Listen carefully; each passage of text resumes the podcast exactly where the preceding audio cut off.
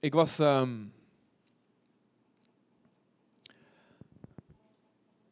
ik was vroeger altijd op zoek naar. ehm, hoe krijg ik Gods aanwezigheid in mijn leven? Het is iets wat, wat ik altijd hoorde, de aanwezigheid van God. God die aanwezig is. En ik dacht altijd dat het een bepaald gevoel was. Ehm, of, ik ben muzikant. Hè? Voordat ik überhaupt eh, gevraagd werd om te preken, was ik, was ik alleen, speelde ik muziek. En ik dacht, dan denk ik altijd een beetje in muziektermen. Ja, de aanwezigheid van God had ik zo'n beeld bij, dat je aan het spelen bent en dat je echt precies het goede akkoord hebt. Zo. En ehm, natuurlijk hard volume moet het zijn. En een drom, alle erbij. En dat, er dan, dat het precies goed was en iedereen was, was zeg maar in de wolken. En dan kwam, ging de deur open en er kwam er zo'n wolk binnen. Weet je wel, en dat was dan God. Dat was zo'n beetje een beeld had ik bij, dat is de aanwezigheid van God. Ehm, en ik weet nog dat, ehm, dat we met wat vrienden eh, waren we aan het bidden. En dat we aan het bidden waren, God, oh, we willen, hoe krijgen we uw aanwezigheid, God? Laat zien hoe we meer van u voelen dat u aanwezig bent. Hoe we dat, eh, hoe, hoe we dat meer kunnen meemaken voor onszelf, maar ook voor de mensen om ons heen. Die zeiden, ja, God bestaat niet, jij met je God. Dat je zo graag wil dat die ook ervaren dat God aanwezig is. En we waren zo aan het bidden. En toen, ehm, in één keer kreeg ik de gedachte, waarvan ik eigenlijk zeker weet dat dat de Heilige Geest was. Die antwoorden op ons gebed. Hoe krijgen we meer van uw aanwezigheid? Ik dacht dus in technieken en methoden en bepaalde opbouw van iets. Maar God sprak. En het is dan vaak zo, zo slim en zo simpel dat ik weet, eh, ja, zo slim kan ik zelf niet zijn.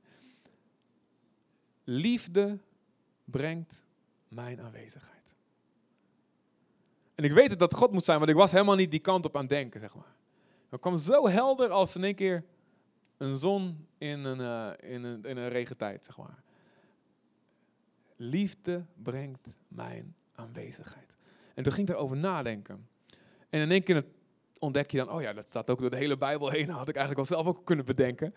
Ehm, maar toen ging ik erover nadenken van, ja, als wij elkaar zo lief hebben, als, zoals God ons lief heeft, dan kan het bijna niet anders dat je God voelt. Dat je Gods liefde ook voelt door iemand anders heen. Ehm, en dan vooral als je een hele groep mensen hebt die van elkaar houdt, echt van elkaar houdt, op een hele, op een hele mooie, diepe manier, in allerlei verschillende soorten vormen en, en. En die ene is net begonnen, die ontdekt dat een beetje, en die andere is al wat verder, en die ene doet het op die manier, en de andere op die manier. Maar als je een hele groep hebt, waar mensen van elkaar houden, dan kan het niet anders dat je weet en ervaart en merkt en ziet en voelt en ruikt, God is daar. En natuurlijk, in de Bijbel staan, op, meer manieren dat mensen kunnen voelen of ervaren dat God er is. Bijvoorbeeld de kracht van God, 1 Korinthe 14, is ook een manier dat mensen kunnen voelen, weten, oh, dit is God die aanwezig is. Maar ik denk echt, op grond van de Bijbel, het belangrijkste is de liefde. Het belangrijkste is de liefde. Want Paulus zegt zelf, joh, je kunt de kracht van God hebben, genezingen hebben, profetie hebben, dingen die allemaal goed zijn. Maar als je de liefde niet hebt, dan is dat allemaal niks waard. Dus de liefde is het belangrijkste wat er is. Ehm, en ik kan veel verhalen ook vertellen van hoe we dat hebben gezien.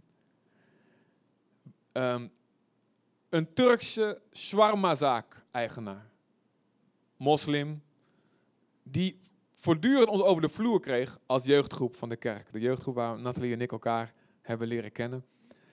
Ehm, in Deventer wonen veel Turken. En we kwamen altijd naar, eh, naar we hadden een aantal shawarma-zaken waar we heel laat ehm, naartoe gingen. Je wil dan een beetje als, als christelijke groep, wil je een beetje op, ja, waar kun je, je wil wel niet zo vroeg naar bed als je samen bent. Dus waar ga je naartoe? Ja, je, gaat niet naar de coffeeshop. Hè? Dat is in Nederland dus anders als koffie. Ehm, je wil ook niet eh, de hele tijd, weet je. Ehm, dus dan wordt het de shawarma-zaak, ja toch? Herkenbaar? Herkenbaar. Je hebt, ik heb hier een shawarmazaak gezien bij de rotonde van San Barbola trouwens. Ik weet niet, weet niet of dat een leuke... Is het echt goede shawarma? Wie kent hem? Is hij goed? Rachim? Ja, niet zo? Is er nog eentje? Niet als Nederland. Nou, we gaan door tot we eentje vinden. In ieder geval, wij kwamen daar vaak en wij deden niet veel bijzonders. We namen geen gitaar mee met, de hele, met, de, met onze opwekkingsliedjes. Uh, we deden geen bidstonden daar. We gingen niet op een tafel staan preken. Wij waren daar gewoon en voor ons was dat gewoon. En na een tijdje, na een paar keer, zegt die, deze man: Waar is jullie kerk? Waar is jullie kerk? Ja, wij uitleggen, wat, waarom wil die weten, weet je wel, wil hij een bom gaan gooien of zo? Nee. Sorry, pliep. Want ik wil naar jullie kerk gaan. Want ik, nee, ik weet niet of je zo sprak hoor. ik heb zelf niet gehoord, ze zeiden het mij dat hij dat later ging vertellen. Dus ik, ik wil naar jullie kerk gaan, want ik zie hoe jullie met elkaar omgaan. Is niet normaal. Niet normaal. Zo lief. En dan ging je vertellen dat hij zoveel groepen jongeren kreeg daar over de vloer. Maar hij zag ons en elke keer als hij ons zag, hij dacht, wat hebben die lui dat die zo leuk met elkaar omgaan. En dat, dat soort dingen openen je ogen. Denk, oh, het is, dus, het is dus echt, het kan heel grote impact hebben door gewoon als mensen van buiten zien hoe je van elkaar houdt. We hebben het gezien bij mensen die komen op verjaardagen van, van, van ons of van andere christenen. En ik heb een paar keer meegemaakt dat, een, dat, dat wat ongelovige vrienden die echt niks, niks van God willen weten,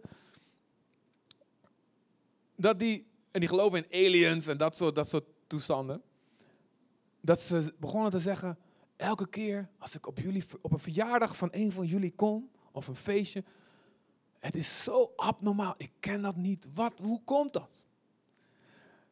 En dan konden wij zo goed en zo kwaad als we kunnen vertellen over Jezus.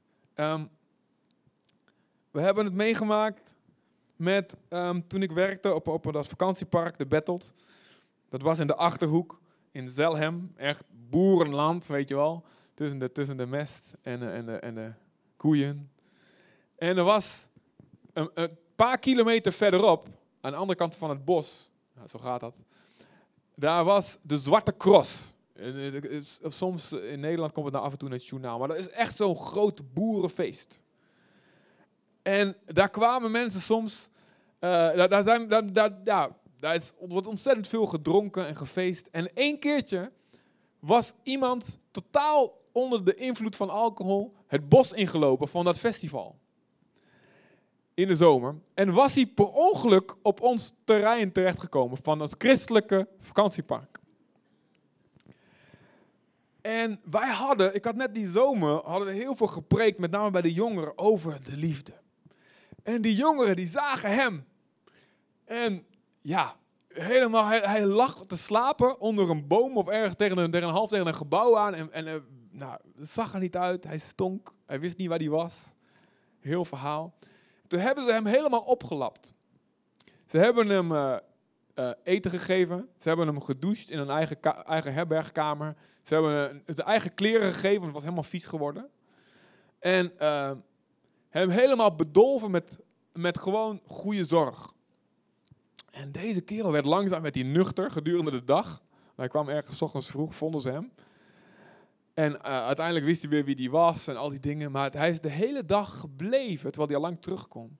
Om alleen maar te horen over Jezus. Want hij had gezien hoe die jonge lui, weet je wel, 16, 17, 14, 15, voor hem hadden gezorgd. En hij was één en al oor, zeg maar. Hij wou niks anders dan luisteren. Waar komt dit vandaan? En ja, zo kan ik doorgaan en doorgaan en doorgaan bij mensen die komen in onze kerk. En dat is hier ook al gebeurd. In Nederland gebeurt dat ook voortdurend. Die zeggen, ik weet, ik, ik weet niet of ik jullie Jezus zo snap. Ik weet zelfs niet of ik die preek zo goed vond. Raar natuurlijk. Nou, ik, ik, preek er niet, wel goed gastspreker. maar er is iets met jullie. Dat, dat, ik, ik zie dat jullie dat, dat jullie zo met elkaar omgaan. En wat ze dan vooral noemen. Kijk, wat normaal is in de wereld, is precies wat Jezus ook zegt. Het is normaal, wat iedereen ziet, is dat mensen die op elkaar lijken, die houden van elkaar. Ja, toch? Hè, Nederlands met Nederlands, Arubanen met Arubanen. Jongeren met jongeren, ouderen met ouderen. Uh, rijke mensen met een miljoen op de bank, die willen niet omgaan met uh, mensen die uh, in de schulden en toestanden. Want ja, voor je het weet willen ze al je geld, weet je. Um, hele extraverte mensen die ja, heel veel praten met elkaar. En de, de stille mensen die zoeken elkaar maar een beetje op. Um, soort zoekt soort.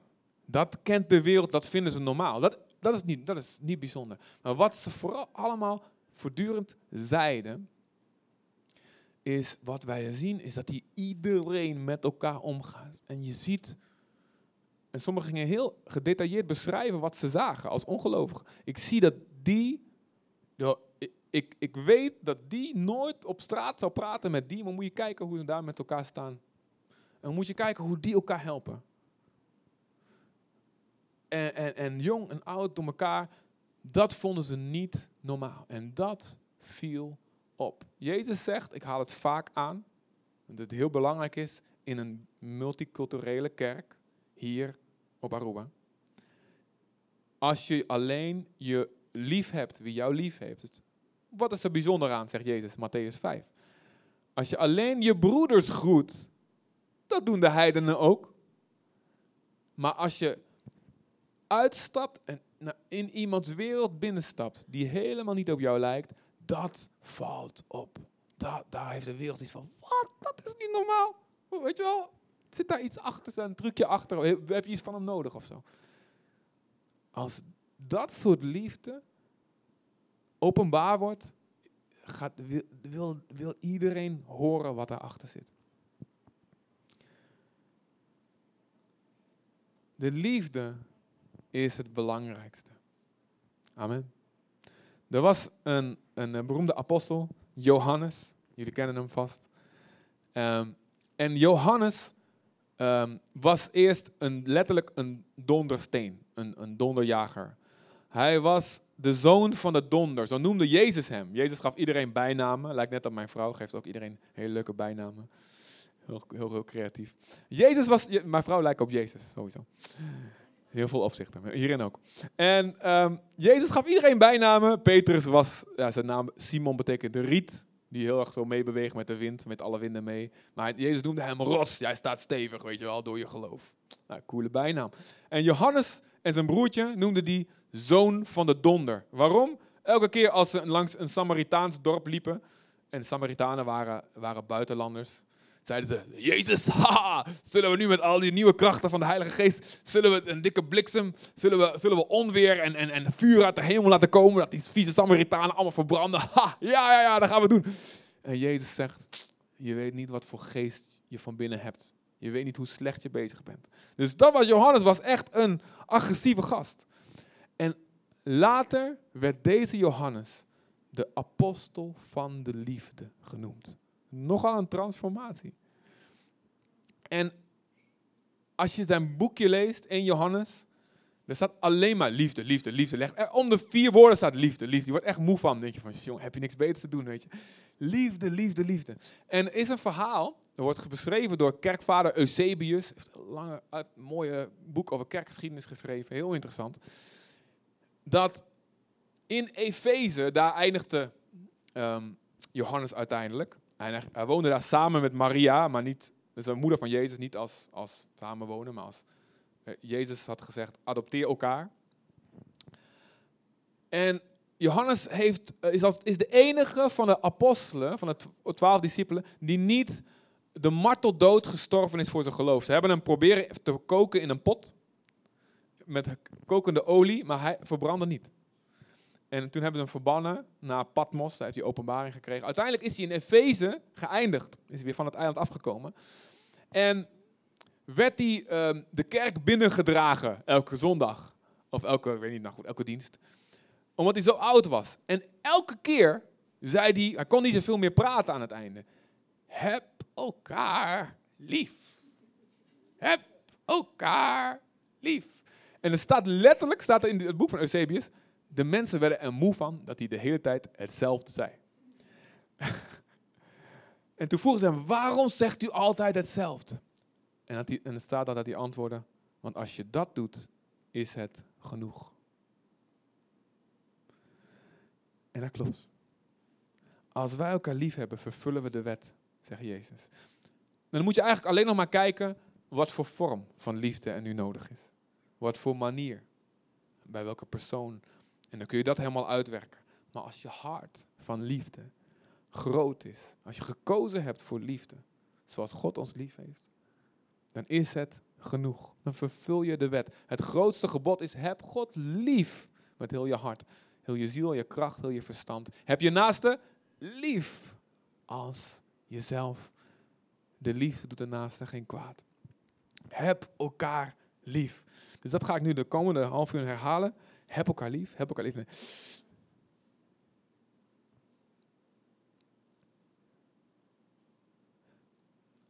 God, eh, elkaar liefhebben is een opdracht. En weet je, ehm, als je, elke keer als je een opdracht ziet in de Bijbel, moet je één ding onthouden. Als God het van me vraagt, is het, is het meteen een belofte. Elke opdracht is een belofte. Als Hij iets vraagt, is het ook mogelijk. God vraagt namelijk nooit iets wat je niet kan. Heel veel mensen denken, liefhebben is een gevoel waar je op moet wachten. Ja, ik kan er niks aan doen. Ja, ik, ik wil wel liefde voelen, maar ik voel het gewoon niet. En dat komt omdat wij denken in termen van gevoel. Terwijl je kunt niet echt verantwoordelijk zijn voor wat je voelt. Je voelt soms dingen die je niet wil voelen. Ja, toch? Of voel, herkenbaar, denk ik. Ehm, je voelt soms oh, irritatie. En je kiest daar niet voor, hopelijk. Anders moet je nu bekeren. Je kiest daar niet voor, maar je voelt het gewoon. Weet je wel, je, je doet iets voor iemand en die persoon bedankt je niet, waardeert je niet. Dan voel je teleurstelling. En je voelt van, nou, voor jou doe ik niks meer, voel je dan. Je kunt dingen voelen en daar kun je eigenlijk niet zoveel aan doen wat je voelt. Een beetje wel, maar niet zoveel. Maar God vraagt ook niet. Oké, christenen, voel liefde. Dat vraagt hij niet. Net zoals dat hij niet vraagt, voel vergeving. Voor die wat die je aangedaan heeft. Nee, God vraagt, kies vergeving. En net zoals hij vraagt, kies liefde. Ook al voel je het niet. Je gevoel bekeert zich wel later. Die bekeert zich wel. Die gaat, komt achter jouw keuze aan. Maar uiteindelijk is je gevoel een resultaat van wat je denkt. En je gedachten kun je, als je oplet, kiezen. Nou zegt de Bijbel, wordt hervormd, niet hersteld, hervormd of gereformeerd, maar wordt een nieuw mens, opnieuw gevormd, door de vernieuwing van je gedachten. Dus oude, rottige gedachten die niet goed zijn, die onbijbels zijn, ik, ja, ik ben alleen goed. Ik geef alleen respect aan iemand die mij respecteert. Dat is een rottige, stinkende gedachte. Die, die de hele wereld denkt, maar die niet, niet werkt. Dus een leugen, die haal je eruit en die vervang je met de waarheid van Gods woord. En Jezus zegt, de waarheid maakt je vrij. Dat is vernieuwing van je denken. Een gedachte die we dus kunnen hebben is, ja, maar ik voel het niet. En dat is dus een, een leugen, een slechte gedachte. God vraagt dat je liefde kiest. Dus als God zegt, heb elkaar vurig en innig lief, staat er. 1 Petrus 1, vers 22. Dan is dat iets wat we kunnen doen. Die tekst wil ik even erbij halen. 1 Petrus 1, vers 22. Daar staat... Um,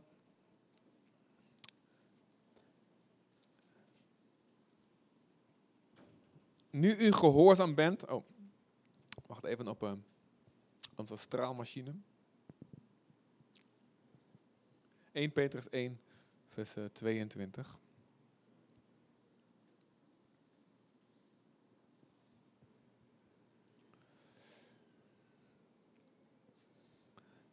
Lukt die of zal ik gewoon duidelijk uh, voorlezen? Oké, ik lees hem gewoon duidelijk voor. Oh, hij is er. Nu u gehoorzaam bent aan de waarheid, het evangelie, de boodschap van Jezus, is je hart gezuiverd, gelouterd.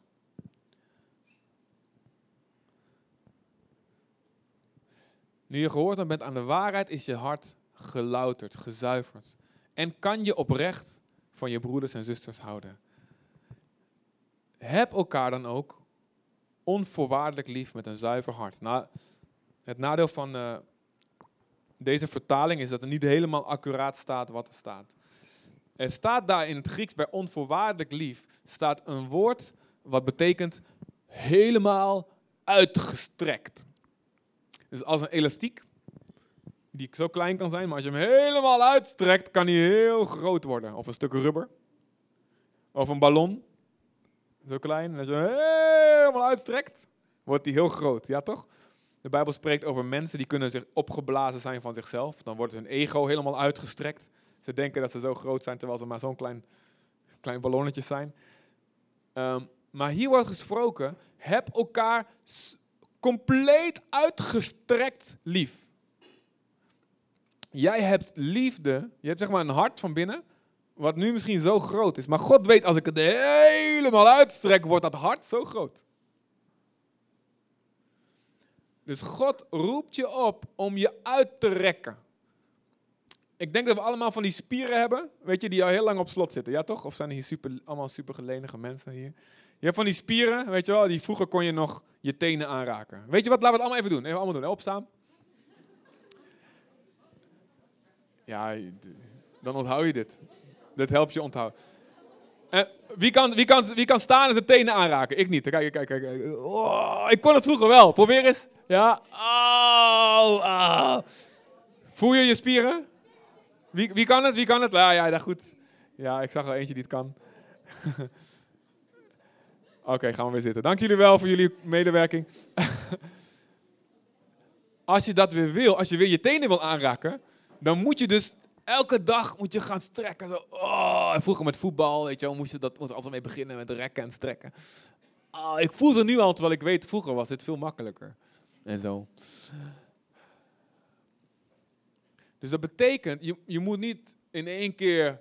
Ah, je kunt niet in één keer helemaal die spier weer uittrekken. Dat moet stukje bij beetje. Zo is het ook met jouw liefde.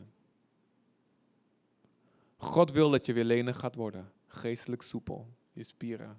Dat je weer, wow, weer, weer je optima forma kan krijgen. Dus God roept je op om je liefde te vergroten. Uit te strekken. Want de Bijbel zegt ook in Johannes 4, vers 20. Als je niet van mensen houdt, kun je niet van God houden. Hoe kun je van God houden? Als je niet van mensen houdt. En Jezus zegt in Matthäus 25, hoe jij van mensen hebt gehouden, zo heb je van Jezus gehouden. Je kunt zeggen, ja, ik hou van Jezus. Tuurlijk hou ik van Jezus. Maar als je niet mensen die honger hebben in je omgeving eten geeft. Als je niet mensen die ziek zijn in je omgeving hebt opgezocht, hebt geholpen. Als je niet praktisch liefde hebt gegeven aan mensen in je omgeving, dan heb je dat ook niet gedaan aan Jezus. Letterlijk wat hij zegt. Dus hoe wij van God houden is te zien aan hoe wij van mensen houden. En dan, dan schieten we allemaal tekort, dat weten we. En God vraagt geen on, onmiddellijke perfectie van ons, maar God vraagt wel, strek je spieren. Maak het elke dag een beetje uitgerekter. Heb elkaar vurig, innig, krachtig uitgestrekt lief. Hoe krijg je deze liefde van binnen? De Bijbel zegt in Johannes 4, vers 19: Wij hebben lief, we hebben elkaar lief en we hebben God lief, omdat Hij ons eerst heeft lief gehad. Gods liefde is de enige goede bron van onze liefde. Er zijn heel veel hippies in de wereld en mensen die zingen love, love, love. Maar het is allemaal super oppervlakkige liefde. De wereld zegt, ja, ja liefde, liefde is gewoon uh, de ander niet lastigvallen. Ja, toch? Ik heb mensen lief. Klaar. Want ik zet mijn muziek niet hard na 11 uur s'avonds. ik heb ze lief. Ja, doe jij je ding, ik doe mijn ding. Weet je wel, leven en laten leven. Dat is geen liefde, dat is onverschilligheid. Dat is onverschilligheid. Liefde volgens de Bijbel is in Johannes 3, vers 16. We kennen allemaal hopelijk Johannes 3, vers 16. Ja toch? Wie weet Johannes 3, vers 16 wat daar staat? Handen omhoog. Ja. Want al zo lief heeft God de wereld gehad. Hij is zijn enige geboren zoon.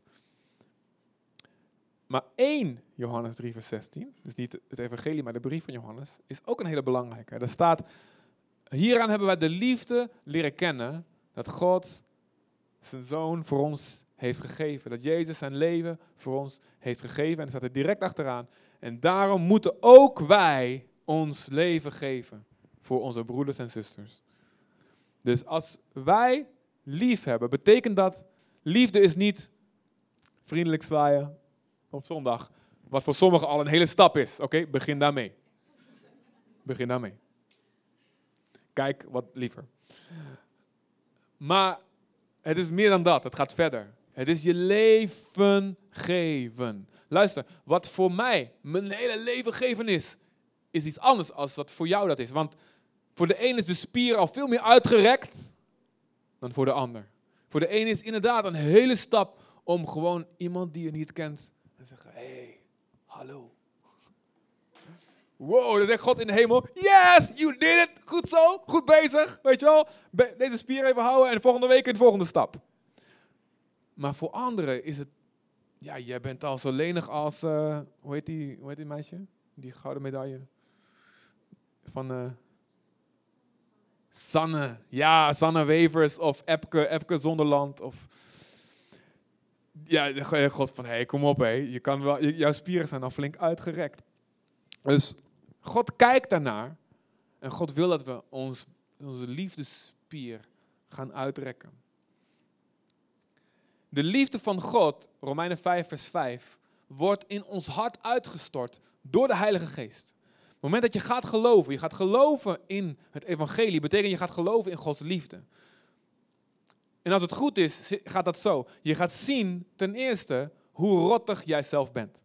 Dat, zo begon het bij mij, 1996. Ik weet dat ik oud ben. 1996 op mijn bekering. Ik zag mezelf. Ik dacht, ik heb Jezus niet nodig. Ik ben goed. Ik als er een hemel is, kom ik er zelf wel. En mijn bekering was dat God me liet zien, je bent super slecht. Je bent egoïstisch, je bent arrogant, je veroordeelt anderen en jij verdient de hel. Even heel kort samengevat. Je verdient de dood. Je kan niks met mij te maken hebben. En ik dacht, wat? Dat had ik nooit gezien. En ik wist dat, ja, ik gewoon het slechtste het slechte persoon was die bestond. En toen ik dat zag, en toen God me daarna liet zien, en dit is wat Jezus voor jou gedaan heeft. En hij heeft alles, alles wat je nu net gezien hebt van jezelf. Al je slimme trucjes om alles uiteindelijk te manipuleren dat het voor jezelf beter is. Al die dingen heeft hij op het kruis gedragen. En je bent vergeven omdat je gelooft. Toen werd ik zo dankbaar. Ik ging zoveel van Jezus houden. Omdat ik zag wat hij voor me had gedaan. Ik werd zo blij. En ik dacht, als God zo van mij houdt, moet ik ook van anderen houden. Het werd heel, een heel natuurlijk iets, heel normaal iets. Dus ik begon mijn spieren uit te strekken. Ik begon te kijken, wat kan ik doen voor anderen? Hoe kan ik mijn vrienden lief hebben, mijn familie lief hebben? Hoe kan ik God iets teruggeven van wat hij voor me gedaan heeft? En dus door de Heilige Geest, omdat ik ging geloven in die liefde, werd die liefde van God in mijn hart uitgestort. Ik kreeg die liefde, had het niet van mezelf. Ik kreeg het. En ik begon, het begon door me heen te stromen. En de Bijbel zegt ook dat dat besef van hoeveel God je vergeven heeft heel belangrijk is voor hoeveel liefde je hebt. In Lucas 7 een van de verhalen waar het duidelijk staat, dus die zullen me vaak over horen. Daar is een fariseer, die nodigt Jezus uit bij hem aan tafel om te komen eten. Maar fariseeërs denken, ik ben goed, ik voldoe aan alle regels. En de fariseeërs waren mensen die vrijwillig de regels van de priesters gingen naleven. Terwijl het helemaal niet hoefde, want ze waren geen priesters. Maar ze zeiden, wij willen extra super bonus heilig zijn. En dat was goed begonnen met een goed hart. Ze wouden echt God dienen ermee. Maar na zoveel generaties gaat zoiets altijd rotten. Gaat zoiets altijd. Ja, er komt uh, eerzucht, het zoeken van eer van mensen bij. En dat was bij hun al lang het geval. Dus zij dachten: kijk hoe goed ik ben. Zij zijn slecht, ik ben goed. En zij dachten dus: ik heb geen vergeving nodig.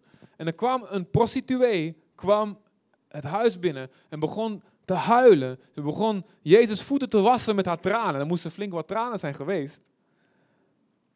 Ehm, en er begon met haar haar het af te drogen en zijn voeten te kussen en allemaal dingen te doen. En die fariseer dacht, als deze man echt een profeet was met onderscheid van geest, had hij deze vrouw weggestuurd. En Jezus zei, uh, ik wil je wat vragen. Iemand had een schuld van, laten we zeggen, 50 florien bij een persoon en de ander had een schuld van 50.000. En omdat die man het, de loterij had gewonnen, het zo goed ging met hem, zei hij, ik scheld dat jullie allebei kwijt. Wie zal het meeste deze man lief hebben? Natuurlijk degene met de grootste schuld.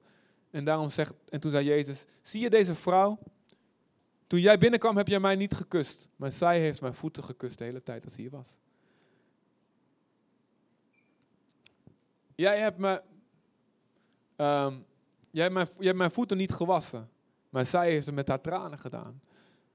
Omdat zij veel vergeven is, heeft zij veel lief. Omdat jij denkt dat jou niks te vergeven valt, heb jij weinig liefde. Zo is het ook. Zie je iemand die veel van Jezus houdt en die veel van mensen houdt, dan, dan is daar een hart wat snapt hoeveel genade die gekregen heeft. Maar aan de andere kant zie je iemand die niet zo van Jezus houdt, die denkt van nou, niet overdreven doen allemaal, weet je wel. Dan komt dat omdat het, hij of zij nog geen of weinig besef heeft van hoe groot de redding is die Jezus gebracht heeft. Hoe hard hij het nodig had dat Jezus stierf aan het kruis. Voor zijn of haar zonde. En iemand die snapt hoe je hele eeuwigheid hiervan afhangt. En die dankbaarheid blijft vers. Die gaat veel liefde hebben. Die gaat voortdurend zijn spieren willen uittrekken. Ik wil meer doen voor deze Jezus. En de Bijbel zegt in Hosea 6, vers 6. Onze liefde is als een ochtendmist die snel vergaat. Het is er even, maar als de zon komt. Heb je hier mist op Aruba überhaupt nooit gezien? Oh goed, het is er. Schijnt het te zijn, soms te zijn. Maar als de zon schijnt, dan gaat het weg. Zo is de liefde van een mens, zegt God. Hosea 6, vers 6. Of als de dauw dauwdruppels, hetzelfde. Als het warm wordt, verdwijnt het. Het is er even. Zo is mijn liefde, jouw liefde, zonder Gods invloed. We hebben even lief, al fijn, en na een tijdje is het weg. En onze liefde voor God en voor mensen is ook zo. Het is er even en na een tijdje vergeten we het. Maar de Bijbel geeft ook de oplossing, het is heel simpel. Wil je je liefde hoog houden? Je moet niet, niet vergeten hoeveel je vergeven bent. 2 Petrus 1,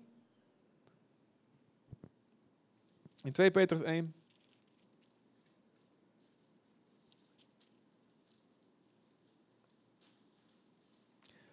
Er staat vanaf vers 5. Span daarom al uw krachten in om je geloof te verrijken met deugdzaamheid, je deugdzaamheid met kennis, je kennis met zelfbeheersing, je zelfbeheersing met volharding, je volharding met vroomheid of vruchtdragen voor God, je vroomheid met liefde voor je broeders en zusters. Je liefde voor je broeders en zusters met liefde voor iedereen. Span je in om al deze dingen te hebben. En er staat onder andere bij liefde. Heel veel liefde. Als je deze eigenschappen, vers 8, in overvloed bezit, is je kennis van onze Heer Jezus niet nutteloos, maar vruchtbaar. Maar wie ze niet bezit, wie dus geen liefde heeft of minder liefde heeft, is kortzichtig, ja blind en vergeet dat hij van zijn vroegere zonden gereinigd is. Wat zegt de Bijbel? Waarom mensen minder liefde hebben? Omdat ze vergeten dat ze van hun vroegere zonden gereinigd zijn. Dat is de reden dat je minder liefde hebt. Er zijn zoveel mensen, helaas, die beginnen zo vurig met Jezus. Zo zuiver, zo puur. Maar dan met de tijd. In, in het begin God helpt je. En, en, en je, bent, je bent een zondaar, je bent fout bezig. Je drinkt en je slaat je vrouw en je, en je steelt fietsen en je doet, je doet gekke dingen. Weet je? En dan komt Jezus en hij verandert je leven. En met de tijd wordt je leven beter. Je wordt een beter persoon, je wordt rustiger. Omdat je van Jezus houdt. Maar dan kan het gebeuren dat je vergeet wie je was. En dat je denkt van nou, ik ben eigenlijk best een goed persoon. Je werd vergeten dat het allemaal door Jezus komt. Door het werk van de geest. Dat je issues zijn opgelost. En je, je dankbaarheid wordt minder en minder en minder. En dan zie je zoveel mensen ontsporen, weer teruggaan de zonde in. Of juist in de kerk een hele beroemde, belangrijke pastor of spreker of dit en dat willen worden. En ze doen het niet meer uit zuivere, pure liefde voor Jezus. Ik heb besloten, ik wil elke dag terug naar het kruis. Ik wil elke dag terug naar dat moment. Want God is in dat moment. Voor God is het net zo vers als toen. Want God is eeuwig en hij kent geen tijd. Ik wil elke dag terug naar het kruis. Jezus, dank u voor vergeving van mijn zonde. Dank u wel. Ik verdiende het niet. U heeft me veranderd. U, heeft, u bent voor mij gestorven toen ik niks met u te maken wil hebben. Toen ik zo slecht en hypocriet en egoïstisch en arrogant en onuitstaanbaar was, bent u voor mij gestorven. U had mij lief, terwijl ik het niet verdiende. En dan word ik weer zo blij, zo dankbaar. Dan komt alles op zijn plek. Dat is hoe je liefde voor Jezus gewoon altijd hoog kan houden. De Bijbel zegt, het vuur op het altaar moet altijd brandend blijven. Het mag nooit uitgaan. Dit is hoe je je vuur voor Jezus hoog houdt. Gewoon elke dag. Terug naar Jezus. Terug naar het kruis.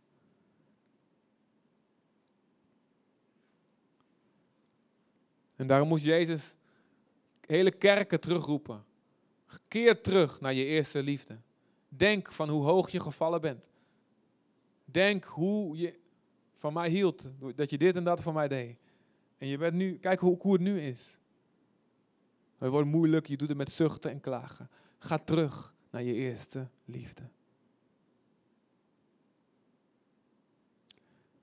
Dus dat is de hele simpele manier hoe je je liefde hoog houdt.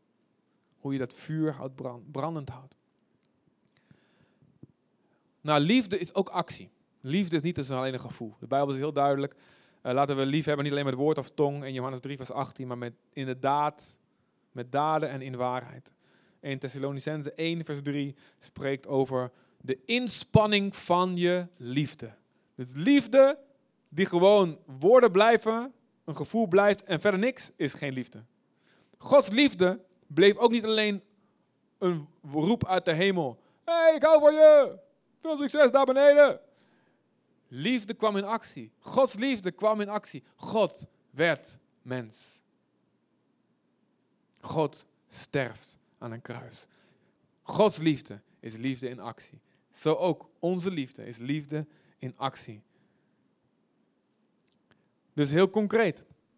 God vraagt dat wij lief hebben wie voor ons staan. De persoon die nu in je leven is, langdurig in je leven is, of voor één minuut voor je staat, die persoon heeft God naar jou toegestuurd, zodat jij Gods aanwezigheid kan brengen naar die persoon. Zodat die persoon de liefde van God kan voelen en voelen dat God er echt is door jou heen. Fantastisch. Elke ontmoeting die jij hebt, elke dag. Online ontmoeting vallen daar ook onder.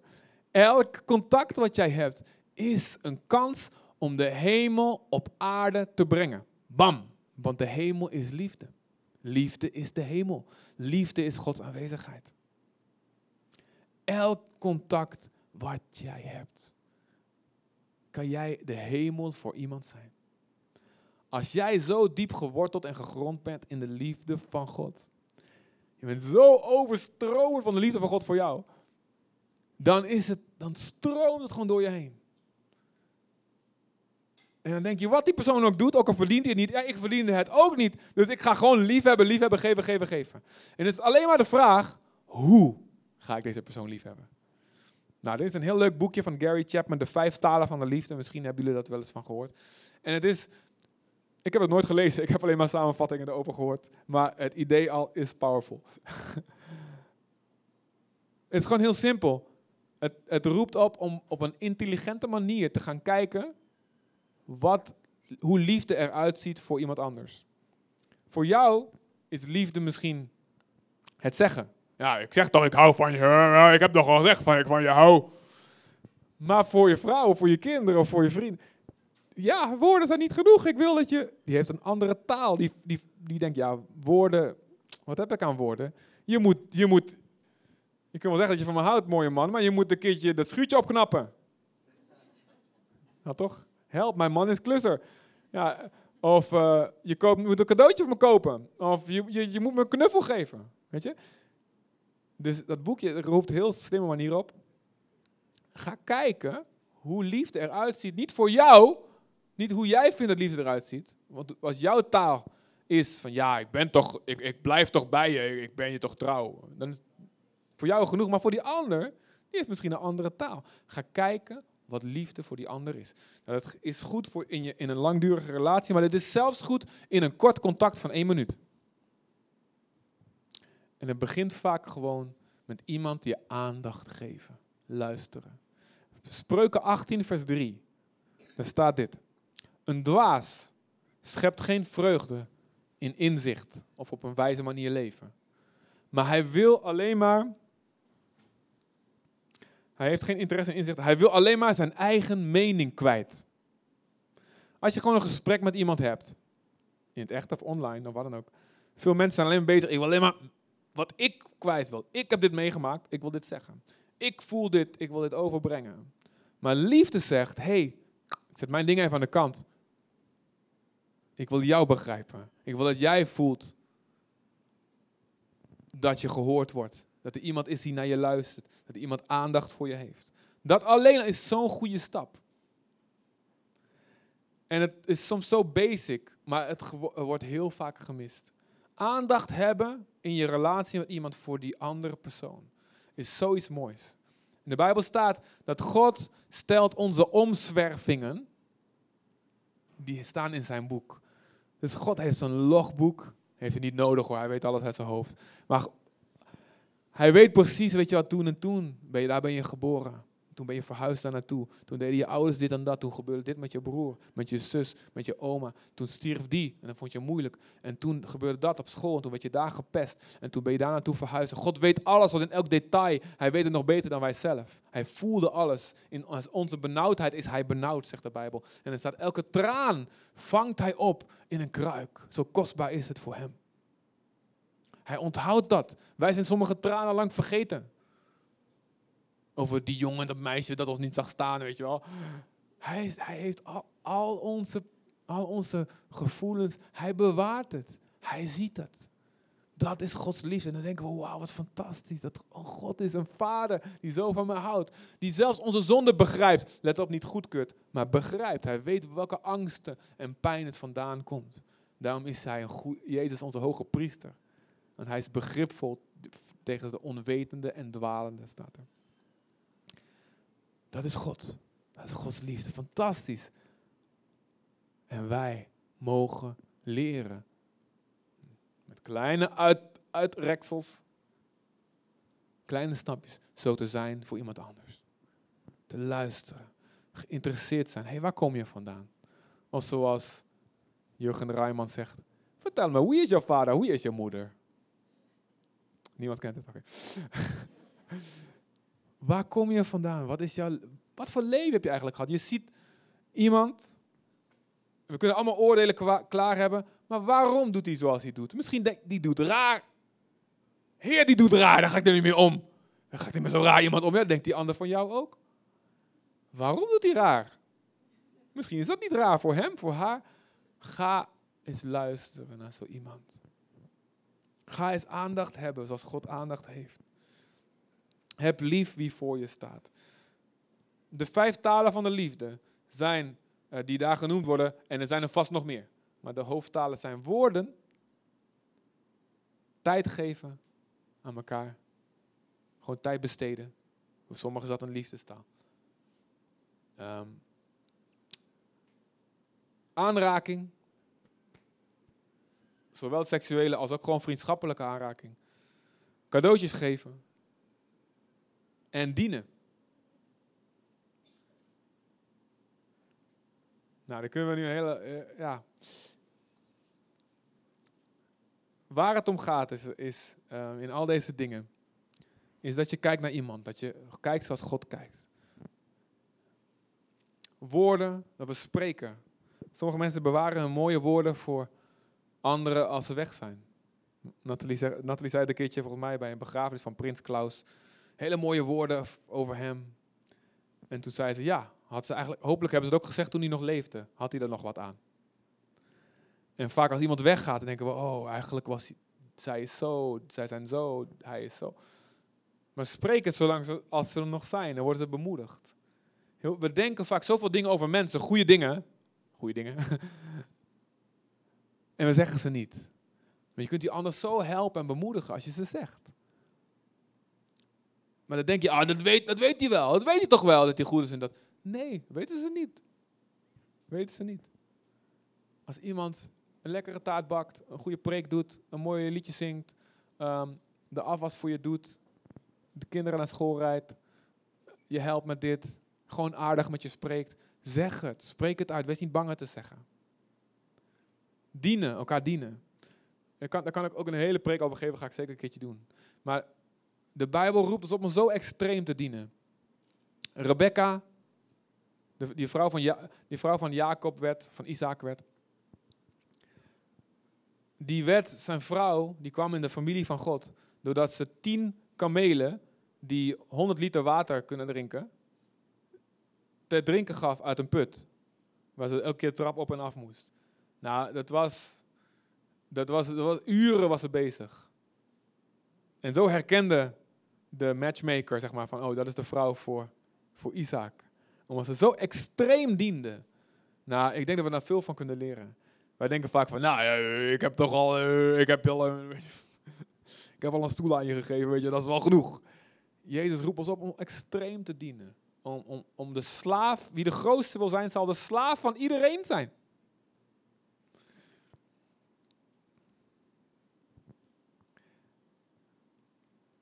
En hetzelfde, nou goed, voor al die andere talen, cadeautjes, weet je wel. Als iemand nadenkt over een cadeautje, ik weet nog, ik werd zo blij omdat ehm, Henk, Henk en Geraldine waren in Amerika en die hadden helemaal nagedacht over wat voor soort autootje ze aan Alejandro zouden geven.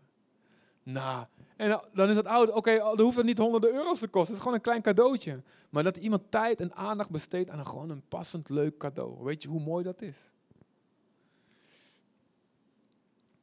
En eerbetoon is ook zoiets belangrijks als je het hebt over liefde. Eren is iemand de waarde van iemand zien en iemand op zo'n manier behandelen. En de Bijbel roept ons op, Romeinen 12, vers 10, ga elkaar voor in het betonen van eer. Men, iedereen eren omdat ze naar Gods beeld gemaakt zijn. Ik wil elke keer als er iemand door die deur stapt, of, of waar ook zijn, ik wil die persoon erkennen en welkom heten.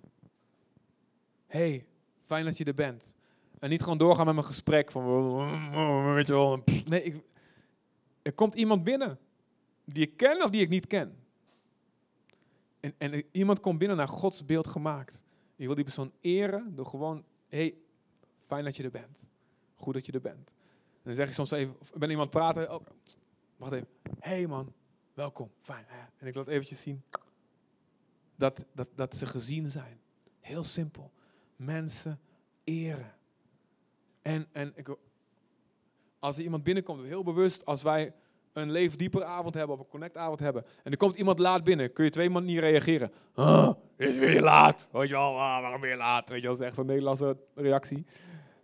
En, ehm, maar je kunt ook gewoon zeggen, hey, fijn dat je er bent, te gek, weet je wel. En ik onderbreek altijd wat ik aan het doen ben. Zeg, kom, pak een stoel, fijn dat je er bent. We zijn hier en hier en hier. Dit zijn we aan het behandelen, dit zijn we aan het bespreken.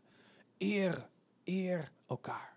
Een waarde die we met name Nederlanders, Arubanen zijn al een stuk beter in. Met name Nederlanders nog veel kunnen leren. Ouderen eren, gezagsdragers eren om de offers die ze brengen. Niet bang zijn, nou, dan gaan ze naast hun schoenen lopen. Onzin. Mensen hebben dat nodig. Omdat, ja goed, gezagsdragers met name die het goed doen, zij, zij, zij, ja, zij offeren meer. Ze dragen grotere verantwoordelijkheid en zijn zwakker op dat moment. En het is goed dat de zwakken gediend worden door hen die sterker zijn. Gasten zijn ook zwakker dan mensen die al bekend zijn. Als je hier voor het eerst bent vandaag, weet je, of je bent ergens op een plek voor het eerst en iedereen kent elkaar al. Als gast ben jij zwakker, je kent even, is het fijn als iemand naar je toe komt, die iemand die al iedereen kent. hey, goed dat je er bent. Daar is de koffie, dit en dat. Waar kom je vandaan? Eer elkaar. Liefde. Hele praktische manieren. Dus kan ik de hele dag doorgaan, gaan we niet doen. Liefde, door hele praktische dingen brengen wij Gods aanwezigheid. En in jou zit zoveel creativiteit om duizenden manieren dat te doen. In al die vijf of honderd liefdestalen die je kan vinden.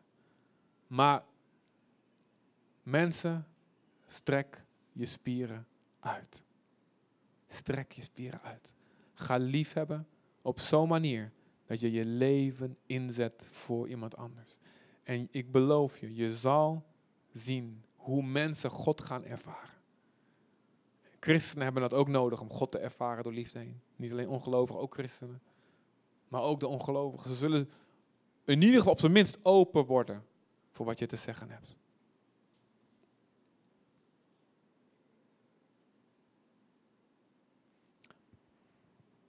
Yes. Zullen we onze ogen sluiten?